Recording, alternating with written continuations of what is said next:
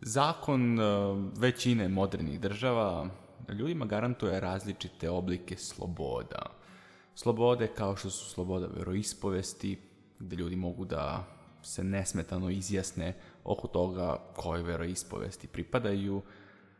Tako, dalje, eh, sloboda kretanja, dakle, imaju pravo da se slobodno kreću u okviru svoje države i u inostranstvu, sve dok, naravno, poštuju propise i dok nisu priveli kriminalu. Doduše, u posljednje vreme, tokom ove pandemije, malo je došli do kršenja tih uh, sloboda kretanja, ali generalno postoji, dakle, i zagarantovana je ustavom, jel? Takođe, sloboda govora je vrlo nešto što se potencira da, uh, umo, da prosto bude, da postoji u modernim državama. Naravno i tu imam nekih izuzetaka, na primjer neko kaže nešto što se smatra neprihvatljivim na društvenim mrežama i onda se to karakteriše kao govor mržnje koji je zabranjen, ali generalno sloboda govora takođe postoji generalno. Međutim, u e, jednoj slobodi se vrlo malo priča, a to je finansijska sloboda. I većina država, skoro sve, e, prosto ne garantuju finansijsku slobodu ljudima. A šta znači finansijska sloboda? I šta znači to kad je nemaš? Pa to upravo znači ovo, kako, o, postojanje ovakvog sistema koji mi sada imamo, a to je da ljudi moraju da prosto ustaju svaki dan u 6 ujutro, spremaju se i odlaze na posao i rade tamo 8 sati kako bi na kraju meseca dobili novac. Ukoliko to ne urade, prosto neće moći da žive, neće imati prihod da, da bi uh, imali bilo kakve minimalne mi, bilo kakva minimalna sredstva za život. Naravno postoje te socijalne pomoći, ali to je toliko mizerna količina novca da fizički nije moguće živeti. Dakle, u suštini ne postoji finansijska sloboda, sama po sebi po defaultu. Ali to ne znači da neko ne može da je stekne. Postoji više načina da se stekne finansijska sloboda. Prvo da definišem šta je to. Prosto jednostavnim rečima, finansijska sloboda to je osoba koja ima finansijsku slobodu je osoba koja ne mora da odlazi na posao svaki dan i da radi, a da može da živi život nesmetano bez problema. E sad, kako se to postiže? Naravno, ima nekoliko načina, neko je imao sreće prosto u životu, pa se rodio u bogatoj porodici i istekao je određeno nasledstvo.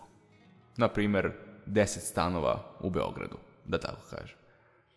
Mm, Zato je treba, potrebna minimalna edukacija, samo da prosto zna kako da ne izgubi tih 10 stanova, nego da nauči kako da iskoristi njih na taj način da bude finanski nezavisan. Naprimer, primer, naći način da iznajmljuje svih 10 stanova, ima 1002 mesečno evra prihoda od njih, plaća uredno poreze, održava dobru vezu sa ljudima koji iznajmljuju te stanove, dakle, nema nikakvih problema po pitanju zakona tu, dakle, plaća sve neophodne poreze i ima ljude koji žive u tim stanovima i to je to. Finansijska sloboda zagarantovana. Dakle, ta osoba može da ne radi ništa celog meseca, može da putuje, može da živi životom donekle ograničenim tim primanjima, ali finansijski ne, nezavistan. U suštini može da živi do kraja života bez da radi i imaće konstantan priliv novca. To je finansijska sloboda po definiciji.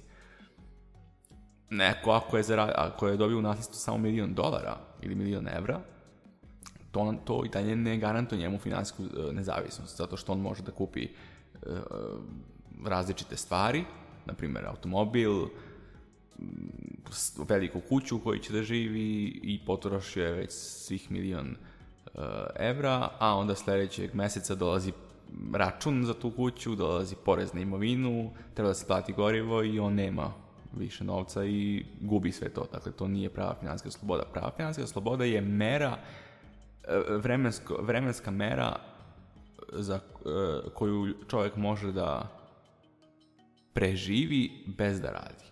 To je prava financijska sloboda. Dakle, onaj ko može da narednih 20 godina ne radi ništa i imaće konstantno novca e, za sve neophodne minimalne potrebe, znači da je finansijski nezavisan 20 godina.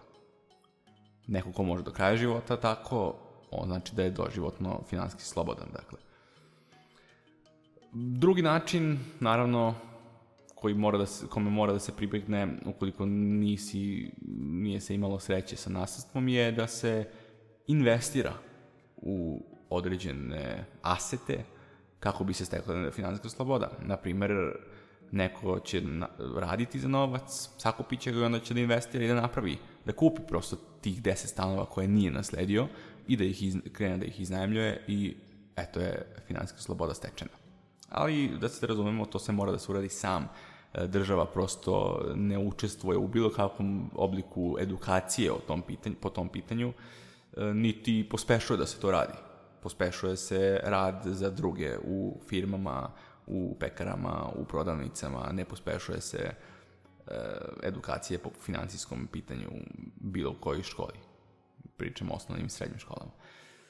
Mm, takođe, drugi način je da se pokrene neki drugi biznis tako što će se imati neka ideja, razraditi plan, započeti biznis i ukoliko se dobro posluje i biznis ima stabilne mesečne prihode, e, to je na, na taj način je takođe na neki na, na taj način je takođe prosto zagarantovana ta neka finansijska sloboda koju neko može da stekne. Takođe još jedan način je da bilo kakav drugi pasivan prihod koji može da se stekne Neko pravi kurs koji prodaje, neko je gubio par automobila pa ih iznajmio, dakle bilo koji drugi prihod koji ne zahteva svakodnevan rad je na neki način prihod koji obezbeđuje finansijsku slobodu. Dakle, ako osoba može da bilo kada ode na odmor, da vozi automobil koji želi da vozi, da živi na lokaciji na kojoj želi da živi i da to ne predstavlja problem e, u finansijskom smislu toj osobi, to je definicija finansijske slobode. Tako da, ljudi generalno ne razmišljaju o financijskoj slobodi, osjećaju se da su dovoljno srećni zato što imaju slobodu veroispovesti, kretanja i govora, ali mislim da je finansijska sloboda jedna takođe sloboda koju bi neko trebalo da traži u svom životu, prosto da bi imao više vremena i za sebe, i za prijatelje, i za porodicu, i da prosto ne, ne osvrne se sa 60 godina unazad i shvati da je ceo život radio mm, i da nije proživeo onako kako je mogao da preživi.